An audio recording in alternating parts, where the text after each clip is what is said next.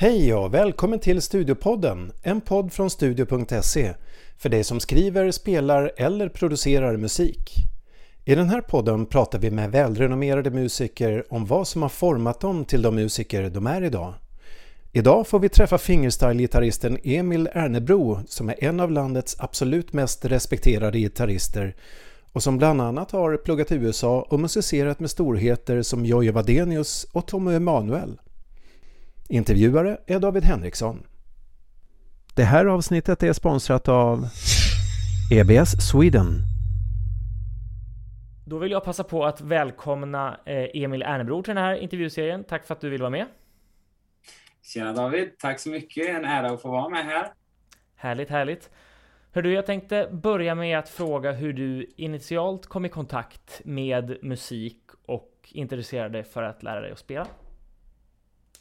Ja, um, det var så att jag, jag, jag, började på kommunala musikskolan i Bengtsfors. Jag är en da, uppifrån Dalsland, jag bor i Göteborg nu sedan mm. många år, men jag är, är dalslänning. Och där, där hade vi, det började med att jag fick, eh, jag spelade klassisk gitarr på kommunala musikskolan. I hemmet har det alltid varit musik. Min, min mamma spelar piano och leder körer och så vidare. Hon har alltid varit aktiv och spelat i kyrkan, kantor och allt möjligt sådär. Så att musik har alltid varit liksom eh, en del av vardagen hemma. Mm. Men, eh, men vad gäller när jag började spela, det, det, var på, på musikskolan helt enkelt. Och jag, jag fastnade för gitarr direkt, men spelade eh, klassiskt, eller spelade egentligen efter noter, melodier, nylonsträngad gitarr, som väldigt många börjar. Eh, men sen blev det mer att jag, jag, eh, jag fick en ny gitarrlärare och, och jag var ju sugen på att spela annat än vad jag lärde mig då när, mm. precis i början. Liksom jag, jag, övade ingenting utan jag spelade den 20 minuter i veckan på lektion. Mm. Liksom. Eh, men sen fick jag en, liksom, en, en, ett, ett riff, tror jag, Deep Purple-riff eller någonting sånt där att lära mig. Och då var jag helt hooked. Mm. Liksom. Då, då fick jag en Squire i julklapp av mamma och pappa, kommer jag ihåg. Och sen var det ju då eh, så att jag gitarrlektionerna blev ju bara roligare och roligare. Jag fick en, hade en fantastisk gitarrlärare som heter Stefan Halvordsson som fortfarande är gitarrlärare i Bengtsfors kommun. Okay. Eh, fantastisk gitarrist. Han gick här i Göteborg, tror jag, Musikhögskolan och han, han, han är, från, är från Bengtsfors. Både han och hans bror är fantastiska pedagoger. Så han inspirerar mig. Alltså, utan han hade jag nog inte spelat gitarr idag, tror jag. Utan han liksom fick mig att bli inspirerad varje lektion efter, efter efter lektionen så gick jag hem och tänkte så där skulle jag vilja kunna göra. Liksom, så, så, så som han gjorde. Och så otroligt så, viktigt att ha de tidiga liksom att det kan bli både en mentor kanske, men också någon inspiration där man ser att det är inte bara på skiva eller på tv, utan det finns de som är i min närhet som är så jäkla bra också. Verkligen, och, och det var liksom, eh, och han, han är verkligen superbra gitarrist, mm. och, men, men framför allt eh, inte bara grym gitarrist, utan li, minst lika bra pedagog. Och det, det har man ju varit med om. Det, det, det har jag insett mer och mer ju äldre har blivit också, hur bra han faktiskt är. För att om jag jämför med då, sen åkte jag ut till, sen var det gymnasiet och musik där och sen var andra gitarrlärare, sen var det eh, i USA och studerade på, på en skola som heter Musicians Institute, som GIT, som många känner till. Mm. Och där var det ju liksom hundra gitarrlärare i olika stilar. Eh, och all, alla var, väldigt många av dem var ju professionella musiker som var ute och spelade själva mycket och det var inspirerande så sätt. Eh, men, men alla, ja, alla var bra gitarrister, men alla var inte bra pedagoger. Eh, eh, men där, och då såg jag, har jag liksom insett mer och mer att den bästa läraren jag någonsin har haft är Stefan, min första gitarrlärare, eller andra då som jag mm. fick.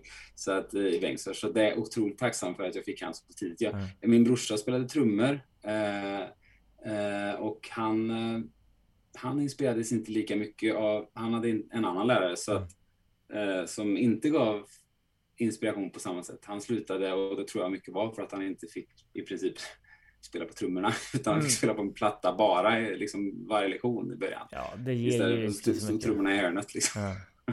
Men eh, alltså Gymnasiet är ju ganska uppenbart när det skedde. Man brukar vara typ 15-16 när man börjar. Men när började kulturskolan och när fick du den här eh, superinspirerande läraren liksom? Det var nog i, jag var nog kanske 11, 12 kanske. När du fick honom eller när du började med första? När jag fick, när jag fick honom. Okej, okay. var det nio sen, när du började? Många börjar ju ja, i årskurs tre. Ja, nio, tio tror jag. Mm. Nio, tio, precis. Det var jag nog. Um, och då, så jag hade nog hållit på ett år kanske med en annan mm. gitarrlärare då, innan. Så. Men spelade du ehm. mycket elgitarr då med, med honom? Den här... Ja, det var bara elgitarr. Ja. Och, jag, och jag, kommer aldrig, jag glömmer aldrig när jag liksom insåg att man... Jag kommer ihåg att han, att han liksom det var vissa riff jag ville lära mig, vissa låtar. Så jag tog med, han sa att du får ta med vad du vill. Eh, ta med en skiva med det mm. du har. Så hade han en CD-spelare liksom. Mm. Bredvid sig alltid. Och så, så sa han, så tog jag med en skiva med något riff jag gillar. Eller någon låt jag gillar. Och sen så bara gav han den till honom och så satte han på den och så, så lyssnade han en gång och så bara Jajamän, det här lät som en blät för dig. Och så, så visade han det direkt, liksom, mm. spela, spela låten direkt. Eh, så att jag insåg också så här, hur kan han göra liksom, inspirationen, att hur kan han göra, han bara lyssnar på det och sen så kan han spela det. Mm. Liksom, för mig var det helt o, liksom, äh, fantastiskt. Liksom. Så, jag, så sen, sen så insåg jag att jag också jag gick hem och tänkte, men jag kanske kan prova. Så, så lyssnade jag och försökte härma när han spelade. Då hade jag lärt mig power chords, liksom, mm. du vet. Rockackord med kvint, kvintackorden där. Och då kommer jag ihåg att jag spelade ett riff, jag kommer inte ihåg om det var, det var, kan vara, liksom, jag var 11 tror jag. Jag tror att det var det här, eh, Offspring var det. Mm. Offspring mm. lyssnade jag på när jag var liten. Um, och då var det ett riff, så, så, jag kommer inte ihåg vilket riff det var, men jag spelade och tog ut liksom tonerna med rockackord. Mm. Pretty Fly till, for a White till, Guy kanske? Ja, precis. Den, den också tror jag. Men det här var ett snabbare riff, okay. kommer jag ihåg. Jag kommer inte ihåg vilken, men, och så, men jag hade tagit ut med rockackord, så det var väldigt mycket förflyttningar mm. snabbt. Så när jag kom dit så sa, så sa han, han först, först såklart uppmuntrande. Mm. Du har tagit ut det här själv, vad bra Emil. Men, eh, men här tror jag faktiskt att de bara spelar en ton mm. i taget. Du behöver nog inte ha hela rockackord. För mm. liksom, jag tänkte att om det är rock, och liksom, då måste det ju vara rockackord. Mm. Så jag spelade liksom hela riffet som var bara en ton, mm. fast med dist liksom. Ja. Spelade jag med rockackord, mm. flyttade jättesnabbt men, men då visade han direkt hur han gjorde med, med bara liksom en ton. Mm. Och det, då, då fattade jag, okej, okay, det, ja, det var så det var. Mm. Liksom. Ja, men det är så viktigt att alltså, det finns ju visserligen många som är helt självlärda som har kommit till en fantastisk nivå, men man kan ju undvika, du hade kunnat kanske gjort så med alla riff som du vill lära dig i tre års tid annars. Mm, och det hade ju kanske exakt. visserligen varit jättebra övning i positionsförflyttningar och sånt där, men det hade ju antagligen varit ändå ganska ineffektivt. Liksom. Eller det, för det blir, man gör det svårare för sig än man behöver. Jag hade också en Exakt. otroligt viktig lärare, först från årskurs 8 typ, men liksom man tog med sig grejer, han visade liksom, man bara oj, det, och jag hade liksom aldrig stött på någon som kunde spela så. Jag hade precis liksom typ börjat lyssna lite på Stevie Ray Vaughan och han kunde mycket av hans låtar. Och jag bara, men alltså han måste ju vara en bortglömd gitarrhjälte som, som, som ingen typ så här, fattar vem det är, men han måste ju vara bland de fem, tio bästa i världen. Jag hade aldrig hört någon, så lirar han lite Van Halen, jag hade aldrig hört talas om Van Halen, men vad är det här? Och det är så ja. grymt att, att kulturskolan runt om i landet har ändå så pass många inspiratörer där ute liksom, för det... det... Verkligen, det, det, har du helt rätt i. Och, och den här, det här landet har ju eh, det finns så sjukt mycket bra musiker mm. och pedagoger på, ute på, på kommunala musikskolor, mm. eh, kulturskolor i det här landet. Så att man, man, man, man, man Många tänker, jag kommer ihåg, folk frågat ibland när jag har varit iväg och gjort workshops och clinics och grejer och så frågar folk så här om MI och, och andra skolor och liksom, eh, liksom tänker bort, bort liksom andra skolor runt mm. om i världen och så vidare. Eh, och då kanske man bara går på gymnasiet fortfarande. Och, och, och jag brukar alltid försöka liksom rekommendera då att, att försöka kolla runt här först. Mm. Alltså för att det, innan du eventuellt åker vidare. För att det är jättebra att åka iväg och, och, och liksom få erfarenhet och, och, testa andra skolor. Men att liksom eh, det, det, finns så mycket bra lärare mm. här och eh, folkhögskolor, folkhögskolor och såklart sen då musikhögskolan om man, om man vill liksom gå hela vägen dit. Eh, så, så ja, det är verkligen, verkligen mycket bra lärare i detta landet alltså. Kommer du ihåg någon speciell aha-upplevelse som fick dig att kanske söka en ny riktning inom din musikaliska bana eller något som fick dig att liksom förstå ditt eget instrument på en djupare nivå? Ja, eh, verkligen. Det, det, var alltså ett, ett sånt avgörande eh, ögonblick var ju när jag fick, eh, fick se jag hade hört, min pappa hade LP-skivor med Cheratkins hemma. Eh, och Cheratkins, för de som, som lyssnar på intervjun och inte har hört talas om Cheratkins eller har hört eh, han spela, så spelar han ju mycket med fingrarna, eh, spelar med tumplektrum eh, och spelar liksom bas samtidigt som melodi och komp kan man säga. Eh, och det hade jag liksom hört, men det var ju traditionell gammal country liksom på de skivorna. Och jag, det var inte något som liksom direkt inspirerade mig det för, direkt jag hörde honom. Det kom senare. Men sen hörde jag för första gången eh, gitarristen Tommy Manor från, från Australien som då eh, har liksom eh, anammat den stilen och tagit det vidare och gjort något eget av det. Så han spelar både med plektrum och fingrar som kallas för hybrid picking, där han spelar bas och melodi samtidigt, men även då med tumplektrum och traditionell fingerpicking alla Chet Atkins om man säger så. Och när jag hörde han första gången så, så det var på, en, på ett, liksom på dat, hemma på datorn. Min brorsa hade bränt eh, en, en DVD-skiva eh, med massa konserter, totalt olagligt nedladdad förmodligen. Eh, och eh, de, då var det massa konserter och instruktionsvideos med gitarrister som han hade gjort till mig. Fantastiskt. Tänk, tänk, att han gjorde det till mig. Jag bara brände liksom massa instruktionsvideos med. Och så det var liksom Scott Henderson, det var alla såna här eh, lärare då. Och sen kom det en konsert som hette Tommy Manuel live from St. Louis. Och jag kommer ihåg när han gick ut först, då spelade jag bara elgitarr. Men när han gick ut på scenen där, när jag satte på videon, då, så, så var det akustiskt. Ah, det, det orkar jag inte kolla på, så jag stängde ner. Mm. Så, så, så, så, kollade jag inte på den. Och sen så hade jag kollat på allt annat så där och så två veckor senare, men jag kollade lite grann på den här akustiska gitarristen. Vad är det här? Och så började han spela. Och jag tror första låten som han spelade är en låt som heter Latrell, som är stället där Cheretkins växte upp, tror jag. Mm. Som han har skrivit då till, till, till Cheretkins, kan man säga. En av hyllningslåtarna till Cheretkins, kan man säga. Um, och jag tänkte, det här, det här är inte möjligt. Hur, hur kan man spela så här? Jag fattar liksom, jag såg inte hur, hur han fick fram melodin samtidigt. Liksom, och eh, sättet han levererade musiken var ju liksom mer, eh, det var ju också ett underhållande sätt. Det, var ju, det är ju lite grann som att gå på, få en käftsmäll liksom, när man ser hans konserter framför allt. För att det är som en, det är som en rockkonsert. Det vet du som har sett. Mm. Och, och i alla fall så, så, så, så, så då tänkte jag så här, men jag vill också kunna spela, lära mig att spela på det sättet. Så då gjorde jag ett projekt som heter Tom, jag hade ett projekt i trean på gymnasiet. Nu var jag ändå 17 då, kanske, mm. 17 år. Någonstans. Och detta är lite senare då, men då gjorde jag, då gjorde jag ett projekt som heter Tommy Manuel Project, där jag skulle lära mig spela några av hans låtar tänkte jag och sen så göra en konsert eh, med, med den här musiken för att berätta om honom, för det var ingen som visste vem Tommy Emanuel var då. Eller Tommy Emanuelsson som vi säger i Bengtsfors.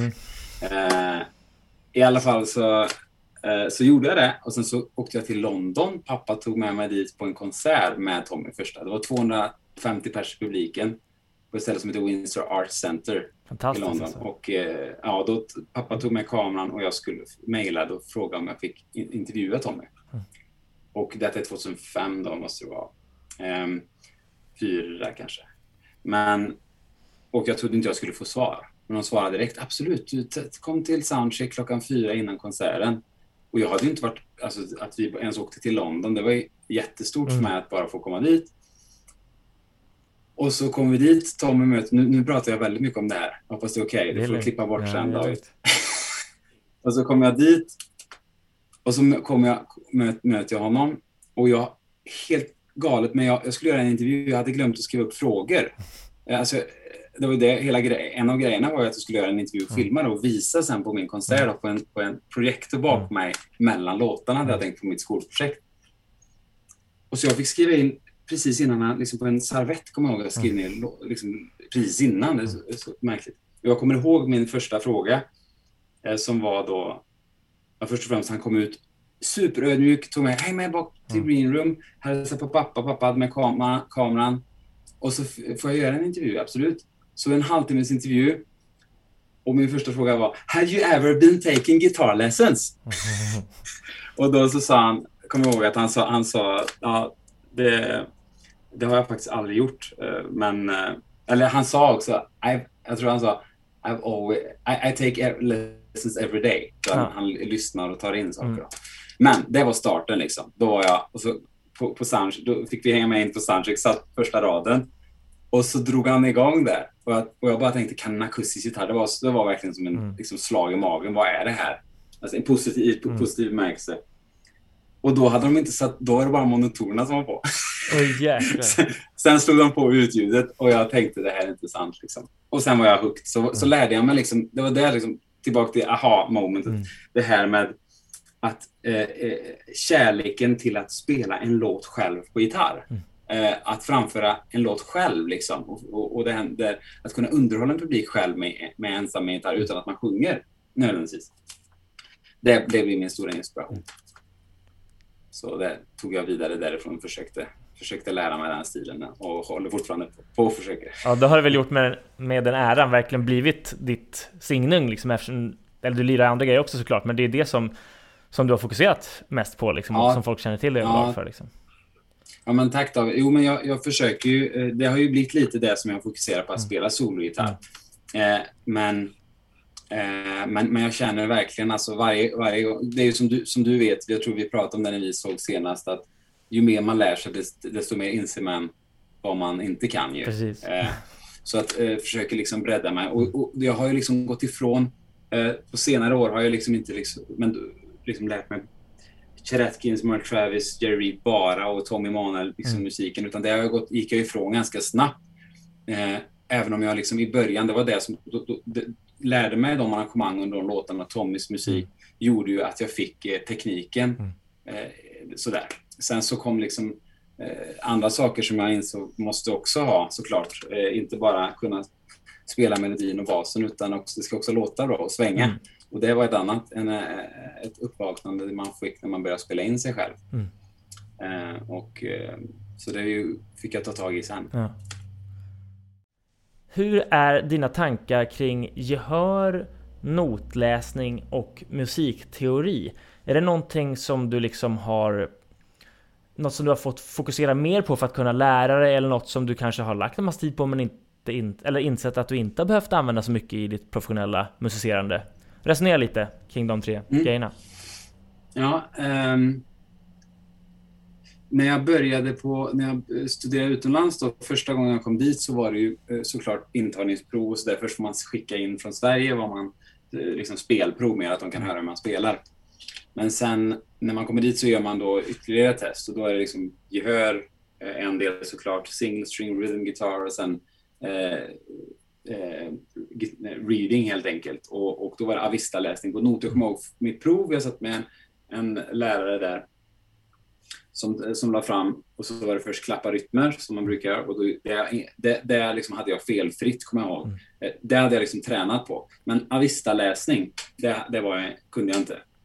Eh, Så att jag, jag liksom, det tog för lång tid Mm. helt enkelt. Jag kunde de första två enkla melodierna och sen så när, det, när han trappade upp nivån så, så, så, så kunde jag inte det. Och då fick jag börja ganska tidigt liksom på låg level på, på det eh, när man, när man liksom börjar lära sig och, och, och ta lektioner. Mm. Eh, notlektion, eller läs, notläsningslektioner helt Mm. enkelt varje vecka som jag hade. Och det gjorde, öppnade ju upp den, den delen för mig. Eh, och hjälpte mig att, att, eh, att lära mig inte bara eh, att eh, se rytmerna såklart, men framförallt att liksom plocka ut saker ganska snabbt. Mm. Eh, sen i mitt professionella, när jag spelar och sådär, så är det ganska sällan jag eh, behöver använda mig av att läsa noter on the spot. Det Mm. händer nästan aldrig.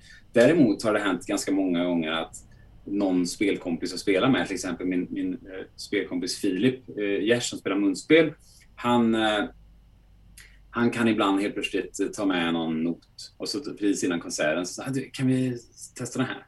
Och då får jag liksom, eh, verkligen användning för Mm. den delen. Att ja, jag måste lära mig det här nu. Eh, så att jag, den delen har varit för mig väldigt bra att kunna. För att, du vet, det kan vara en enkel så, sån sak. Man gör en kyrkkonsert någonstans kanske och, och så säger helt plötsligt någon Du, kan du spela psalmer förresten? För, innan för att och så är det en psalm där. Ja, ah, menar du att det ah, på gitarr liksom?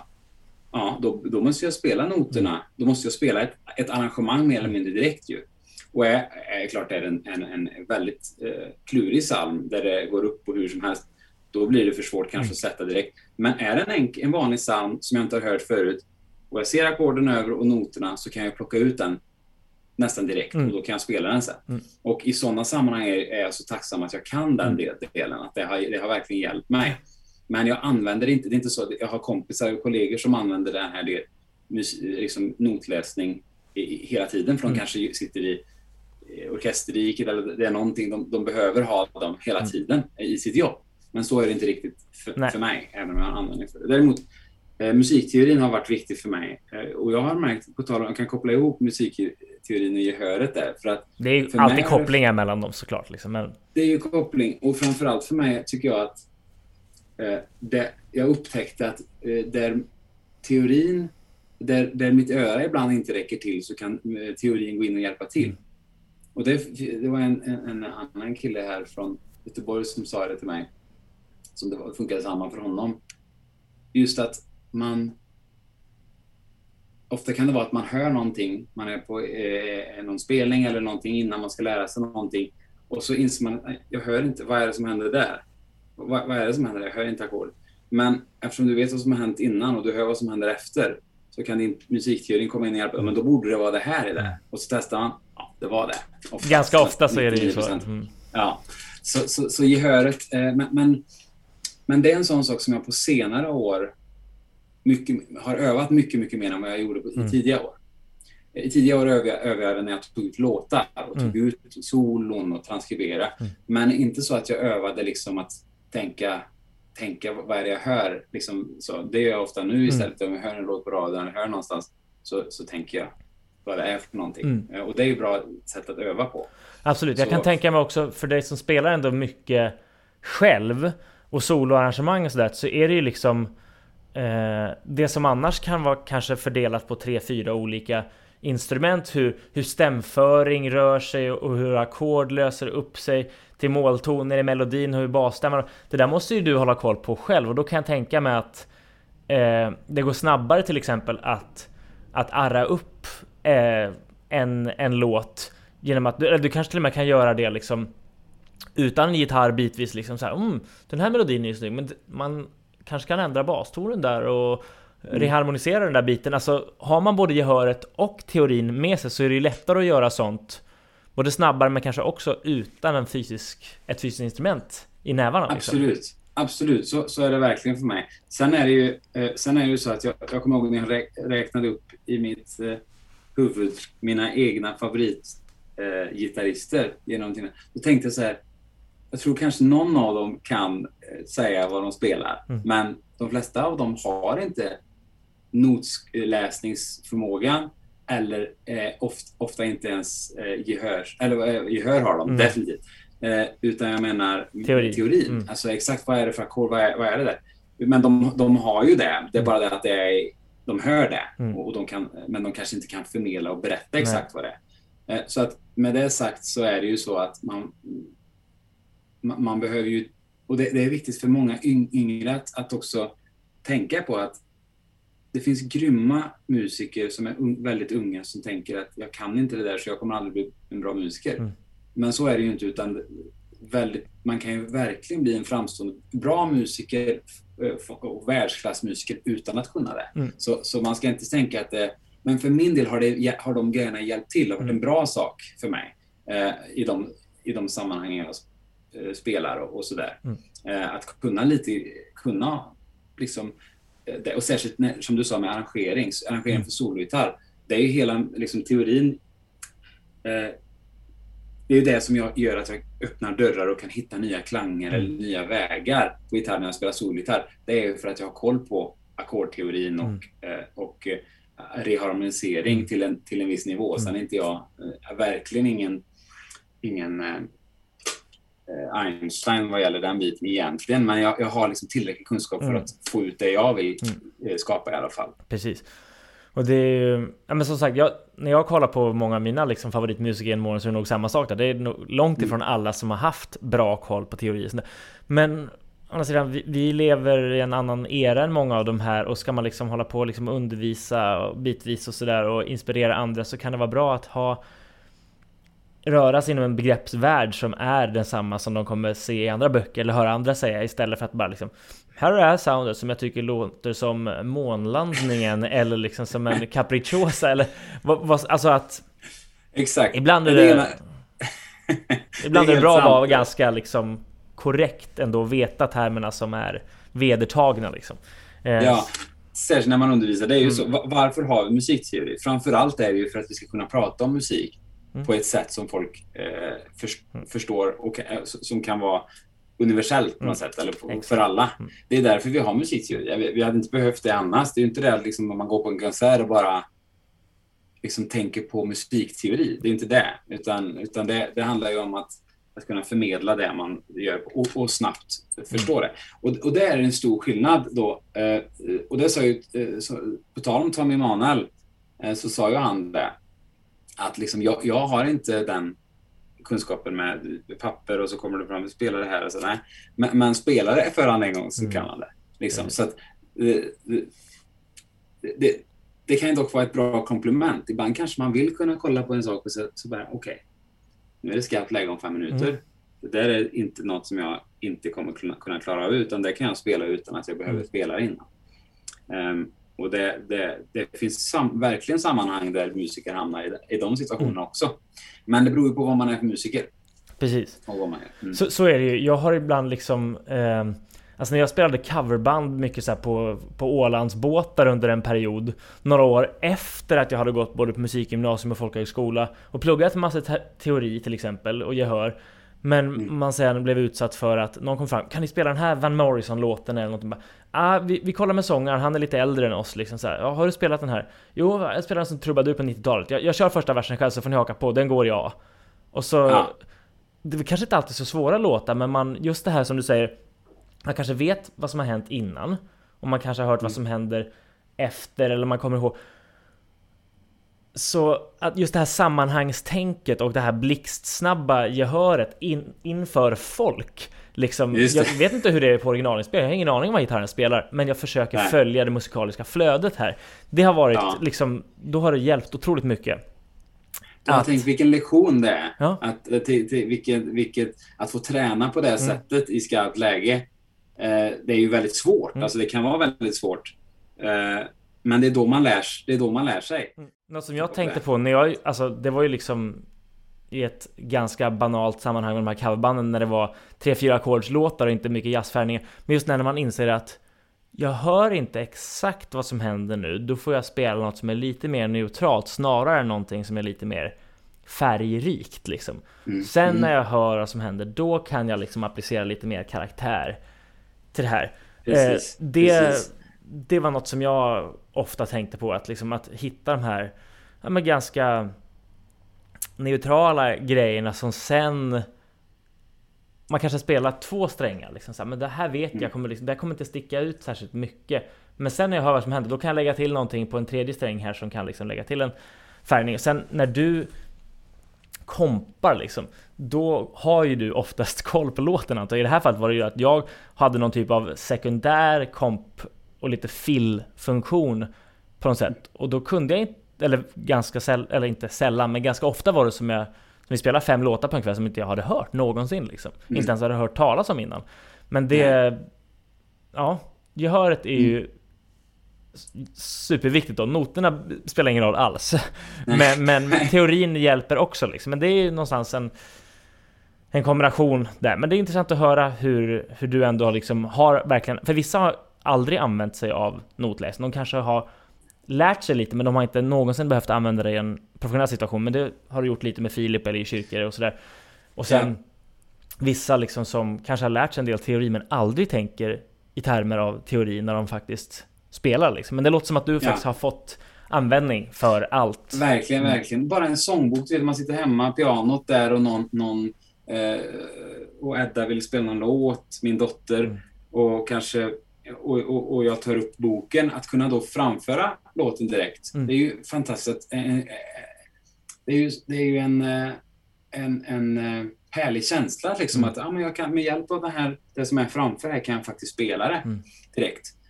Och, och, och även om man inte är liksom så att man kan plocka ut superavancerad musik direkt. Det, det, det, det, är ju väldigt, väldigt sällan om, om du hamnar i en situation där det är svår musik, väldigt svår musik mm. som ska framföras och du får noter.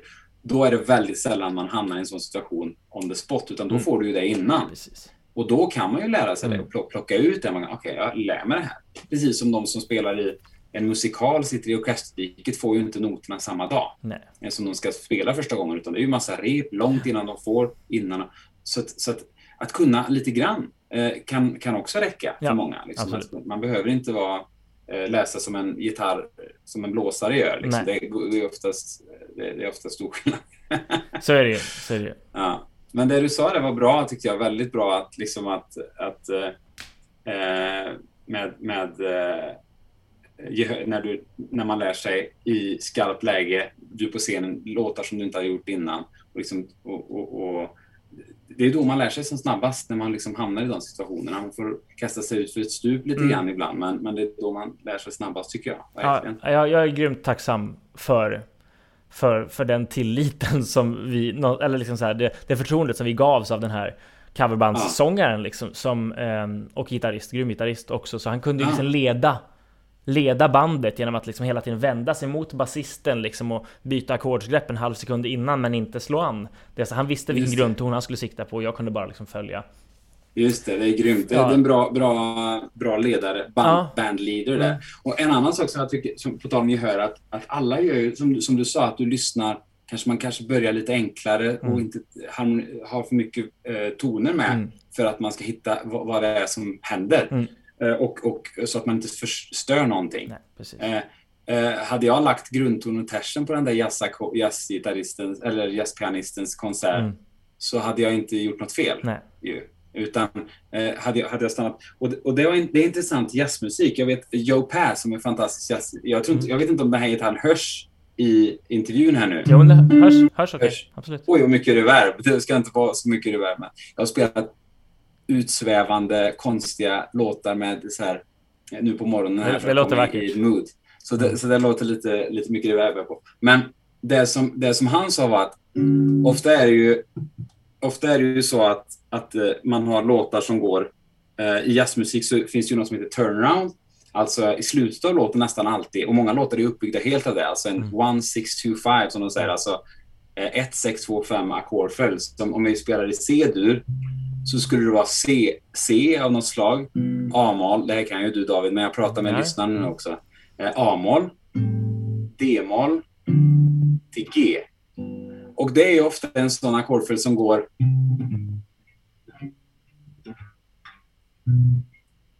för att ta, ta sig tillbaka till början av låten. Det händer nästan alltid i slutet på en jazzstandard. Liksom. Nästan, nästan alltid.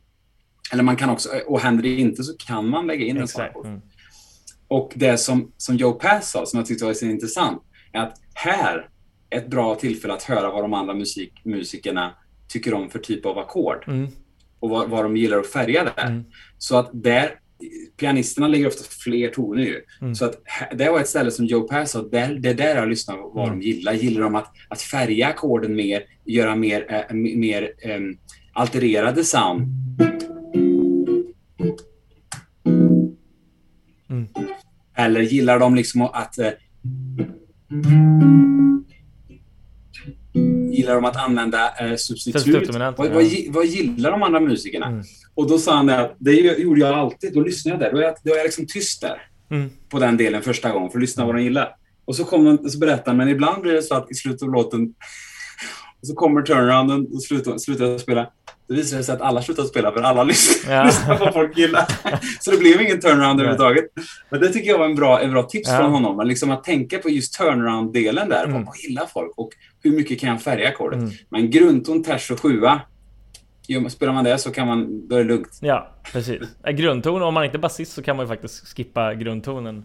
Eller alltså den är ju safe att, att lägga liksom. Te- Eh, Ja, precis, ters och sjua är egentligen bättre. Mm, inte, precis. inte ens grundtonen. Då, då blir det bättre. Mm. Då, då är man verkligen safe. Ja, exakt. Och spelar man inte alls så är man ju helt safe. Ja, exakt. Bästa sättet att visa musikalisk ödmjukhet genom att hålla käft. Exakt, faktiskt. Ibland är det. Ja. Ibland är det. Vad gör du för att hitta tillbaks till kreativiteten om, om inspirationen skulle sina och det känns liksom som att fan, det är inte så kul med gitarr idag eller senaste månaden. Vad, Mm. vad gör du då? Liksom, har du något go-to-sätt? Det där är nog min, min eh, största, ska man säga... Eh, tyvärr, tyvärr så kan det vara olika för mig hur jag tar, tar tillbaka. Jag har ingen magisk formel där tyvärr. Jag hade gärna haft det för att det, det, det finns ingen bättre känsla än att vara inspirerad ju. Mm. Alltså det, att, eh, om jag fick välja ett, ett eh, ska man säga, state att vara i eh, jämt så skulle mm. det vara, vara inspirerad. Mm. För att det finns inget bättre än att liksom bara bli uppslukad av någonting och mm. spela. Man kanske kommer på att det där arret ska jag göra. Mm. Den låten älskar jag. Jag har lyssnat 20 gånger på, på den idag och jag vill bara jag måste, den är så bra jag måste göra något mm. med den själv. Jag måste, eller i alla fall spela den. Mm. Du vet, den känslan, den, den, den, det finns inget som överträffar det tycker jag. Eh, och, men jag har definitivt hamnat, hamnat i, i, i till liksom, tider där jag inte, stunder där jag inte har haft inspiration. Vissa veckor eller dagar framför allt. Mm. Och ibland till och med längre perioder. Mm. Liksom, att jag inte känner att man hamnar i samma, eh, samma rörelsemönster, mm. sam, samma mm, spelsätt. Man, mm. kanske, man blir trött på sig själv. Jag tror alla känner igen sig Ja, där. såklart. Eh, Den som blir trött eh, på ett spel först är ju oftast en själv. För att man hör det ja. hela tiden. Och man, det är svårt att överraska sig själv. Man spelar ju de grejerna som man kan för det mesta. Eller de som, håller man, som man håller på och jobbar in liksom. Verkligen. Men, men det som jag brukar försöka göra, det är att gå till att helt enkelt lyssna på den, dem eller den personen som har inspirerat dig mest av allt i, i livet, alltså, eller just nu. Eh, och, och, gå tillbaka och hitta saker. Det kan, behöver inte vara mycket. Det som är problemet är att när man tänker så kommer det ut så här, inspirationen, man förlorar saker, är att det känns som att att det behövs så mycket för att jag ska komma tillbaka lite grann. Alltså, jag behöver men det kan oftast vara för mig bara något li väldigt litet. Mm. Alltså jag kan gå in och lyssna på eh, eh, en gitar någon gitarrist eller någon, någon saxofonist eh, melodi eller mm. lick eller line mm. och liksom äh, nu ska jag, sitter jag bara och lär mig det för det var så, det var så fint spelat mm. och så använder jag det på olika sätt i olika tonarter, i olika grooves och testar det. Och helt plötsligt när jag har suttit med något litet, litet så öppnar det upp dörren för, att liksom, för inspirationen och, och det kommer tillbaka. Så att för mig, gå till de personer som du lyssnat på som du vet har inspirerat dig många gånger innan och hitta något litet bara tänk inte så stort. Det är det. Många tänker liksom, jag måste spela in, eh, få inspiration att göra en hel platta här. Eller jag ska spela in ett eh, någon YouTube-klipp idag. Eh, fast jag inte vet vad jag ska göra. Eller, man behöver inte tänka så, man kan bara tänka väldigt smått. Mm. Alltså att jag, ska, jag ska spela där, den där linen idag, mm. lite grann. Och så ska jag se vart den, vad det kan ta mig, för den, den det gillar jag. Liksom. Så brukar jag göra. Det låter väldigt klokt, för man... Det, det är svårt att liksom Um, att de här, jag menar, de här enorma grejerna, liksom, åh oh, det här förändrar hela min världsbild. Det, det kanske hände dig när du hörde Tommy Manuel första gången, men det kommer inte hända i ens liv så många gånger. Liksom, den här otroligt omvälvande upplevelsen. Men då kan det räcka med de där små som sen får växa in i, och sen liksom, ja, om, det bara, mm. om du bara har jobbat med en liten fras eller en liten melodi, och sen det visar sig att du inte har får så mycket användning för den, då har du inte lagt hela din existens i det heller. Liksom. Men, men jag tror att det, det är nog klokt att, att låta, alltså hitta så små frön som kan liksom växa in till någonting. Stort, ja, men liksom. absolut. Och sen även, du vet, när man, på tal om att ta ut en liten fras. Det, det, det kan vara så att många, många känner, eh, och det, som när jag har undervisat för eh, och pratat om det här med elever ibland så har det varit så här att jag satt med den där frasen eller den där, det där partiet i den låten som varar en halv sekund. Mm. Den satt jag med i två timmar. Mm. Den, och jag bara kände oh, liksom så här att man känner sig uppgiven. Så. Men det är ju liksom det, det som många glömmer bort är ju faktiskt att har man övat en halv sekunds musik för att det är klurigt att få in i time mm. eller rytm eller eh, känslan i att ens spela tonerna. Mm. De två timmarna du har lagt på det där halva sekunden hjälper allt ditt spel. Ja, Folk glömmer ibland det. Att liksom så här, shit, jag har suttit där i två timmar med en fras. Mm. Men den hjälper alla andra fraser som du kommer att öva. Alltså, så man, man får inte tänka på att man lägger ner för mycket, mycket tid på något som är klurigt Nej. för sig själv. Utan, utan det, det, ger, det ger ett ju eh, tillbaka eh, eh, positiva saker med ditt spel oavsett liksom, med, med allt ditt spel. Ja. Gehör, teori, mm. allting hjälper det. Så att de två timmarna är aldrig liksom De är aldrig onödiga. Nej, det är aldrig förgäves på det viset. Jag kommer ihåg att jag, jag hade någon period när jag... För jag för mig att du har skrivit något inlägg på Facebook för något år sedan att du också tog en gitarrlektion med en Nashville-legend som heter Brant Mason, eller hur?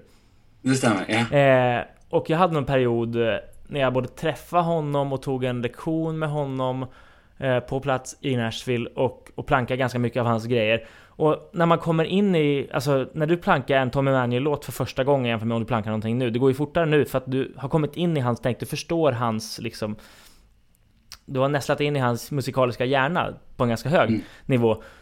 Och när jag plankade Brent Mason solo första gången, det tog en evighet. Men så hade jag kommit till en nivå liksom att jag satt mig ner en timme ibland och liksom, jag kunde, alltså kanske inte spela nödvändigtvis exakt lika bra som honom, det är det nästan ingen som gör. Men ändå klura ut det och sätta det nästan precis som det låter. Typ 5-6 mm. solon på en timme liksom. Det här har jag aldrig kunnat gjort förut. Men det, hans solon är ofta ganska korta och det är inga soloarrangemang liksom. Utan det är 4-8 takter liksom. Och, men så jag, var... såg, jag såg ett solo med Brent Mason som du spelade igår. Som var skitbra. Det lät ja. så grymt. Ja men tack. Fint. Det, det, ja. det tog lite längre tid att klura ut för att jag gjorde det under en lektion med en elev och förklara för honom vad som hände. Men annars skulle jag nog ja. ha plankat det där på, på 5-10 minuter liksom. För att jag är så bekant ja. med hans spelstil. Men en gång så var det det var ett lick, på tal om det här att lägga typ en halv sekunds musik. Nu var det kanske lite mer så, det kanske var två sekunder, men en linje liksom. Med en massa öppna strängar. Jag tror att jag satt, ja men alltså 45 minuter säkert, fyra gånger och så här, vad är det som händer här? Och jag fattar inte.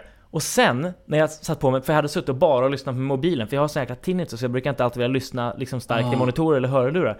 Sen när jag satte på mig ett par hörlurar och lyssnade, men vad fan, basen, liksom, basen ändrar ju ton här. Eh, och ackordet skiftar, vilket jag inte hade hört innan. Så då blev det mm. logiskt att vad fan, det är den, den där kromatiska linjen han använder och liksom eh, betonar den där tonen. Och det blev så oerhört logiskt då när jag hörde sammanhanget tydligt för att jag hörde en baston ändras liksom. ja men du ser, alltså. Små grejer liksom som liksom. Tänk, Tänk de 40, alla de eh, minuterna du satt med mm. det licket. Då tar du ett annat open string lick som han har gjort nästa gång och så, så går det mycket snabbare mm. för att du gjorde, la ner ja. den tiden på dig. Precis. Eller jag inser så. att lyssna med basen på en gång, så att på hörlurar så går det snabbare. Exakt. Det är faktiskt, det är faktiskt viktigt. Jag, jag har också transkriberat ibland med datorhögtalarna, mm. alltså eh, högtalare från datorn. Och, sen, och det, går, det tar längre tid mm. ofta som det är svåra grejer. Mm. Så att alltid lura på det mycket snabbare. Ja. Men men, eh, men som du säger, det här med att lära, man lär sig en musikers tänk. Mm. Och första gången är det supersvårt. Det var som du sa, första låten med Tommy Emanuel jag spelade, herregud, jag vet inte hur länge, många mm. timmar jag satt eh, med, med, med den för att ens få in basen. Liksom. Mm. Eh, men som du säger, man lär sig hur, hur, spelstilen, sen hur de tänker hur, och saker kommer ju tillbaka. Ja, okay, de återanvänder grejer hela tiden. Ja, de använder so saker som, för det är en del av en spel mm. och det är därför man tycker om dem också, ja. man känner igen det. Ja, det är Brent Mason, han, han gör ofta det här och det här och, och så, så gör han det och så bara, ah, shit vad bra det är. Mm. Han, ja, jag hört han göra förut, mm. men det spelar ingen roll. Det, jag tycker om det. Så att, eh, jag kommer ihåg att jag träffade en, en av mina favoritgitarrister, jag tror jag nämnde detta för det sist, jag ska inte berätta hela historien, men av en anledning så fick jag en gitarrlektion med en, en gitarrist som är, är San Francisco-baserad gitarrist som heter Jim Nichols. Han spelar för övrigt in en skiva med Tommy Manuel mm. på Duo som heter Chetlag. Inte mm. Jetlag, utan Chetlag där de spelar Chet Atkins låtar mm. fast uh, improviserar på. Liksom. Han och Tommy bara. Det, detta är år 2000 eller något sånt där. Mm. Uh, den heter Happy Hour nu. De har bytt titel på den skivan tror jag. Men den kan jag rekommendera för de som gillar Chet Atkins och jazz, mm. bebop samtidigt. Liksom.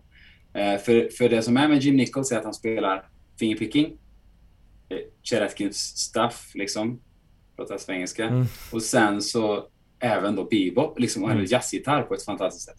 Så, och han är, en han är förmodligen den gitarristen som jag har lyssnat eh, ja, en av de gitarristerna jag har lyssnat mest på. Mm. Och inspirerats otroligt mycket av och lärt mig jazz genom att lyssna på mm. honom. För att han tar musik som jag ofta lyssnar på själv och spelar det på, på, på mer åt Joe Pass-hållet mm. också. Men också fingerpicking med klassisk mm. bas. Så då, då då har jag lärt mig så mycket av att höra, så jag hör, när jag hör han spela solo så ah, men det är det, och det är det, och det är det. Och jag kan snappa upp det direkt. Och så fick jag en gitarrlektion av han i San Francisco, utanför San Francisco, i eh, Pacifica heter det, söder om San Francisco. Ehm, med, när jag var där eh, i USA på, på med familjeresa och mm. Sandra, mm. min fru, hade hört av sig ja, till nice. honom och frågat om detta. Jag fick komma dit och det var helt fantastiskt. Och så, så satt vi en hel dag och spelade. Och då sa han till mig, när vi satt där. Uh, och, och, och, han visade så, för jag frågade ju saker hela tiden och vi och sådär. Och så sa han så här. You pick up stuff incredibly quickly. This is, this is very uncommon, mm. sa han. Och, det, det, och det var, jag vet att det inte är för att jag har bättre öra än alla hans elever. Utan det är att jag har lyssnat så sjukt mycket på hans spel. Mm. Så att när, det kom, när han gjorde någonting så, så, så hör jag saker, jag har gjort liknande mm. saker. Mm. Så det, och det är inte, jag säger inte att jag har dåligt öra, men jag, jag snappar upp väldigt, väldigt snabbt för att han, för att jag har lyssnat så mycket på hans såklart, spel. Såklart. Det är liksom, mm. Så, så, så, jag, så, sa jag det, att det är för att jag har lyssnat på, på alla dina skivor hundra mm. gånger. Liksom. Eh, och, och, och, så jag tror att man, och det är en, en fördel att liksom så här, eh, gå, när man lär sig av andra musiker, någon man inspireras av, försök att planka, plank, även om du, jag, jag, plank, planka grejer är aldrig mm, fel. Alltså. planka licks, det behöver inte vara ett helt solo, nej, det kan nej. vara en fras, mm. det räcker. Liksom. Och gärna förstå sammanhang, lyssna på vart kommer det ifrån? Vad, vad händer före och efter? Och vilket ackord spelas det över? Liksom? För det känns som att vissa inte gör utan bara här, här är ett coolt lick. Liksom. Ja, men det är ju coolt för att det kommer där det kommer. Liksom. Ja, ja, ja, exakt. Men, men jag har en liten liknande upplevelse. Jag tog en, eh, några lektioner av en snubbe i Nashville som sen sedermera blev min sponsor när jag skaffade visum där borta. Eh, som heter Guthrie? Guthrie Trap. Och efter en av mina favoritgitarrister. Ja, jäkla bra också alltså första lektion jag hade haft med honom, sprang på honom dagen efter, då sa han Hey man, I felt bad for taking your money yesterday. You just played me right back all the time. Alltså mer eller mindre, sorry, ah, jag borde inte ha tagit dina pengar. Du kunde ju bara repetera allt jag spelade. Och han trodde kanske på något sätt att liksom jag kom dit och liksom hade lyssnat jättemycket på honom innan. Så var inte fallet. Men jag hade lyssnat på lite liknande grejer. Men också så är det så att Alltså, jag hör ett teorin, viktigt. Eh, men för min del har också det visuella, att se någons händer röra sig mm. över en greppbräda. Det har jag gjort så mycket. Jag har suttit så mycket med olika gitarrlärare, kollat mycket instruktionsvideos och sådär. Så visuella mönster för mig är, är musik i sig mm. nästan. Mm. Eller liksom, det bidrar också. Så jag kan... Hade jag bara hört honom så hade jag inte kunnat repetera när han gjorde lika lätt. Men när jag både ser och hör så så är det för mig ett sätt att väldigt snabbt ta till mig musik. Liksom. Det, eh. det, det, det tror jag är gemensamt för väldigt många mm. nu för tiden, särskilt när man också kan lära sig via internet mm. på ett annat sätt än vad man gjorde förr. Eh, och det finns en stor fördel i det, eh, att man har möjlighet att, att liksom titta mm. och, och en, inte, inte bara att lära sig saker snabbt utan också att faktiskt eh, att se sin egen hand, eller andras hur de, hur de håller och mm. hur de spelar, eh, kan verkligen hjälpa ditt, ditt sätt att spela för att Visst. se hur, hur är det bra. Mm. Eh, eh, hur, hur, ska jag göra det här för att få det så smidigt som möjligt mm. och så vidare. Det finns en gitarrist som du säkert känner till eh, i Stockholm som heter Mattias Turell. Du mm. kanske känner Mattias till och med. Jag har träffat honom några gånger. Ja, han spelar ju med Lisa Nilsson mm. mycket och sådär.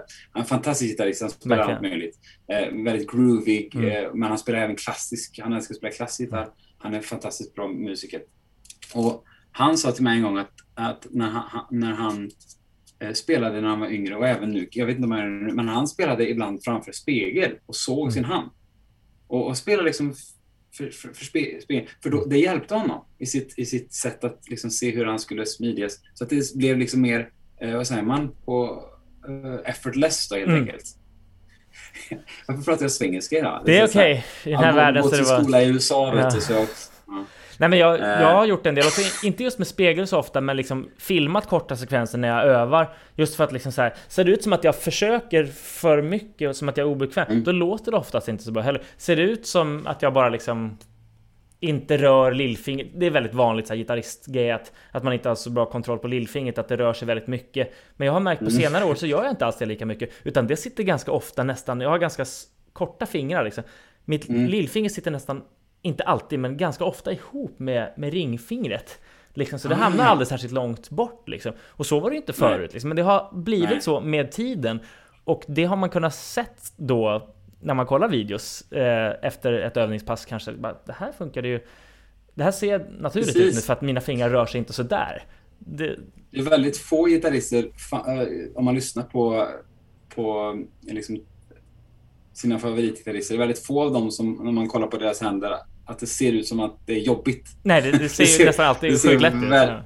Det ser väldigt, väldigt lätt ut och det är liksom bara, det flyger fram och det mm. känns bra och liksom det känns bra i kroppen när man lyssnar. Eh, på tal om det med lillfingret så min första gitarrlärare Stefan Halvarsson som jag berättade om i mm. början, han berättade att han hade problem med det och han använde mest de här tre. Man gör ju oftast det i början, eller många gitarrister gör det och det behövs inte lillfinger för att det låter skitbra mm. ändå.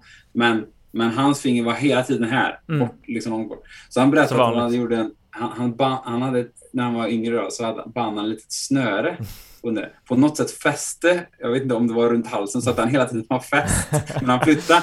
Och så gjorde han det länge och sen så tänkte jag shit vad bra, det här kom. så klippte han av den, tog bort den, då, då hände fingret så här.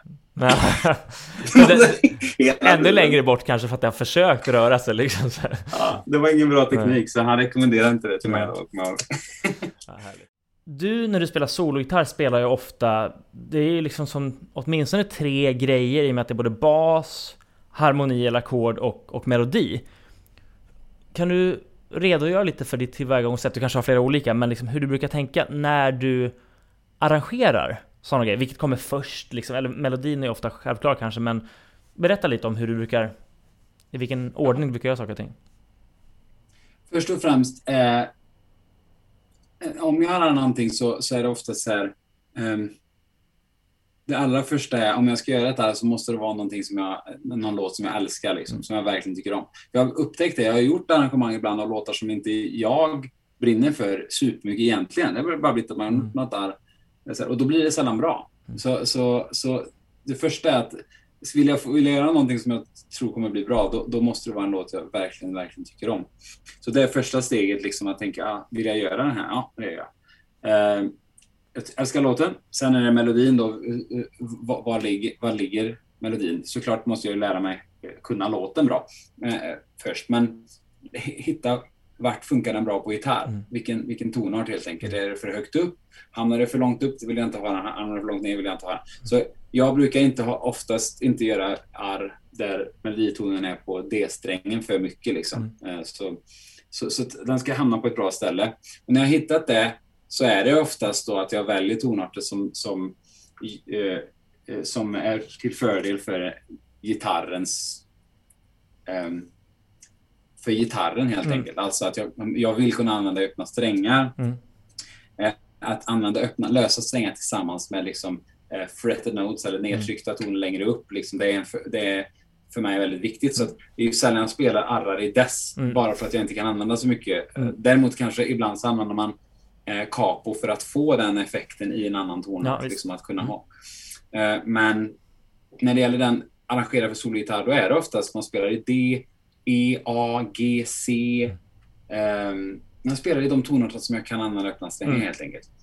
Eh, och, och, och när jag har gjort det, när jag har hittat det, så är det ju eh, liksom för mig att liksom hitta ackorden först, harmoniken. Hur vill jag göra? Vill jag ändra mycket eller vill jag ha mm. det ganska som den är? Fast bara hit, spela det på ett fint sätt. Mm. Liksom. Och, så att jag börjar hitta, tänka på melodin och, och harmoniken mm. och liksom lyssna på vilka ackord vill jag, vill jag ska ringa. Mm. Och sen att spela, sen största delen går till att sp kunna spela den på ett sätt som kunna spela det på ett sätt som gör att, eh, att det blir så uttrycksfullt som möjligt. Och mm. för mig är det ofta eh, hamna, handlar det om att få eh, melodin att framträda mer än det andra på något mm. sätt. Och att få melodin att låta mer som man kanske en sångare eller sångerska mm. skulle framföra låten. Snarare än att det blir så eh, eh, för stift. Liksom. Mm. Tyvärr är det, tycker jag att jag, jag tycker solgitarr kan bli ganska, särskilt ibland i jazzsammanhang, eh, särskilt tycker jag chord melody mer att mm. det kan bli ganska stift tycker mm. jag. Det kan bli liksom så här, man spelar Misty och, Misty och så låter det da, da, da, och så, så är det bara liksom ackorden på toppen som, som melodin går. Och så spelar, spelar man liksom alltså, ganska statiskt ja. stopp. Liksom, det, blir ingen, eh, det blir inget andrum, det blir inget Nej. som ringer ut. Nej. Det blir ingen sustain. Och sån, sån chord melody eh, blir jag, blir jag liksom trött av att mm. lyssna på för många låtar. Jag kan tycka fantastiska gitarrister eh, som, som är hundra gånger mer avancerade i sitt spel än, än mig kan, som jag, som jag lyssnar på mycket, mm. vissa arrangemang, vissa inspelningar, vissa skivor orkar inte lyssna på så mycket för att det är lite för det är lite för st eh, start och stopp. Ja, liksom, mm. det, det, jag gillar mer när det ringer, när det, när, det, när det låter som att det är en sångare eller sångerska ja. som sjunger melodin. Mm. Så det jag försöker få det mer liksom, att det flyter Mm. mer snarare än att det är för... Mm. Liksom. Det är ett grymt sätt, eh, ett grymt sätt att använda öppna strängar tycker jag tillsammans med liksom nedtryckta eller gripna toner. Liksom att få saker och ting att klinga ut. Även fast du kanske gör en positionsförflyttning med basen eller någonting så kan det fortfarande vara ett par toner som klingar ut som kanske både visar liksom eh, är en del av melodin men också en del av ackordet. Ehm, men det måste ju ändå vara så att tänker jag, eller måste ska jag inte säga, men jag antar att det är så att en, en fingersättning kanske inte blir helt självklar första gången du jobbar med sånt här arrangemang utan liksom, fan det där, ja, ska jag ta bastonen med pekfingret på den strängen eller med ringfingret på den strängen? Melodin, det måste ju ändå vara en del experimenterande sådär. Absolut, absolut. För det är, verkligen. Och, och sånt går sna- har gått mycket snabbare efter när man lär känna tonarterna. Och, och, och, och, och, och lär, lär känna eh, vilka strängar som Mm. funkar öppet. Mm. Jag gjorde alltid så när jag spelade eh, noter till exempel. Att ofta när jag hade övat klart not det vi skulle spela på lektionen så testade jag att spela. Ja, nu ska jag spela samma sak fast alla toner som jag kan spela med en lös sträng, det ska Mm. jag spela med en lös sträng. Och det gjorde att jag fick mycket bättre koll på de öppna strängarna, hur det låg. Så en klassiskt exempel är ju att man spelar en G-dur-skala. Inte den gitarren stämmer riktigt, Mm. men det gör ingenting. Eh, eh, istället för att spela så, så spelar jag de tonerna jag kan spela öppet, spelar jag öppet. Och jag spelar även, försöker få tonerna att ringa ihop. Istället för att spela på samma sträng, så kanske jag spelar för då ringer de ihop och då skapar det lite spänning som Mm. låter lite mer spännande. Och sen med lössträngar tillsammans. Eller... Man kan till och med gå upp här. Precis. Eller G, eller G på, på B-strängen, åttonde band, fisset på elfte band Exakt, på G-strängen, spela, man kan ju spela här uppe. Ja. Eller... Ja precis, Nej. eller till och med fisset på elfte band på G-strängen. Så du får tre, första tre tonerna att ringa ihop liksom. Ja, ja, ja, du menar så. Eller, Ja, nej men eh, G, åttonde bandet på B-strängen, Fiss, Ja, elfte bandet på G-strängen och sen lös Just E. det. just det. Exakt, exakt. Då ringer ihop istället. Och det skapar ju spänning. Ja, jag kommer ihåg när jag verkligen. arrangerade den här eh, Valborg som går... Så går melodin. Mm. Men istället för att spela, om jag spelar... Om jag spelar här. Så ringer ju alla fyra Ja, tonerna ihop. exakt. Om man gör det i kontext. eh, Eller...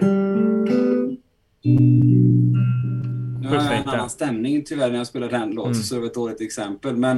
Eh, och sen samma sak här. Om man spelar... Om man spelar den melodin. Så går ju melodin så...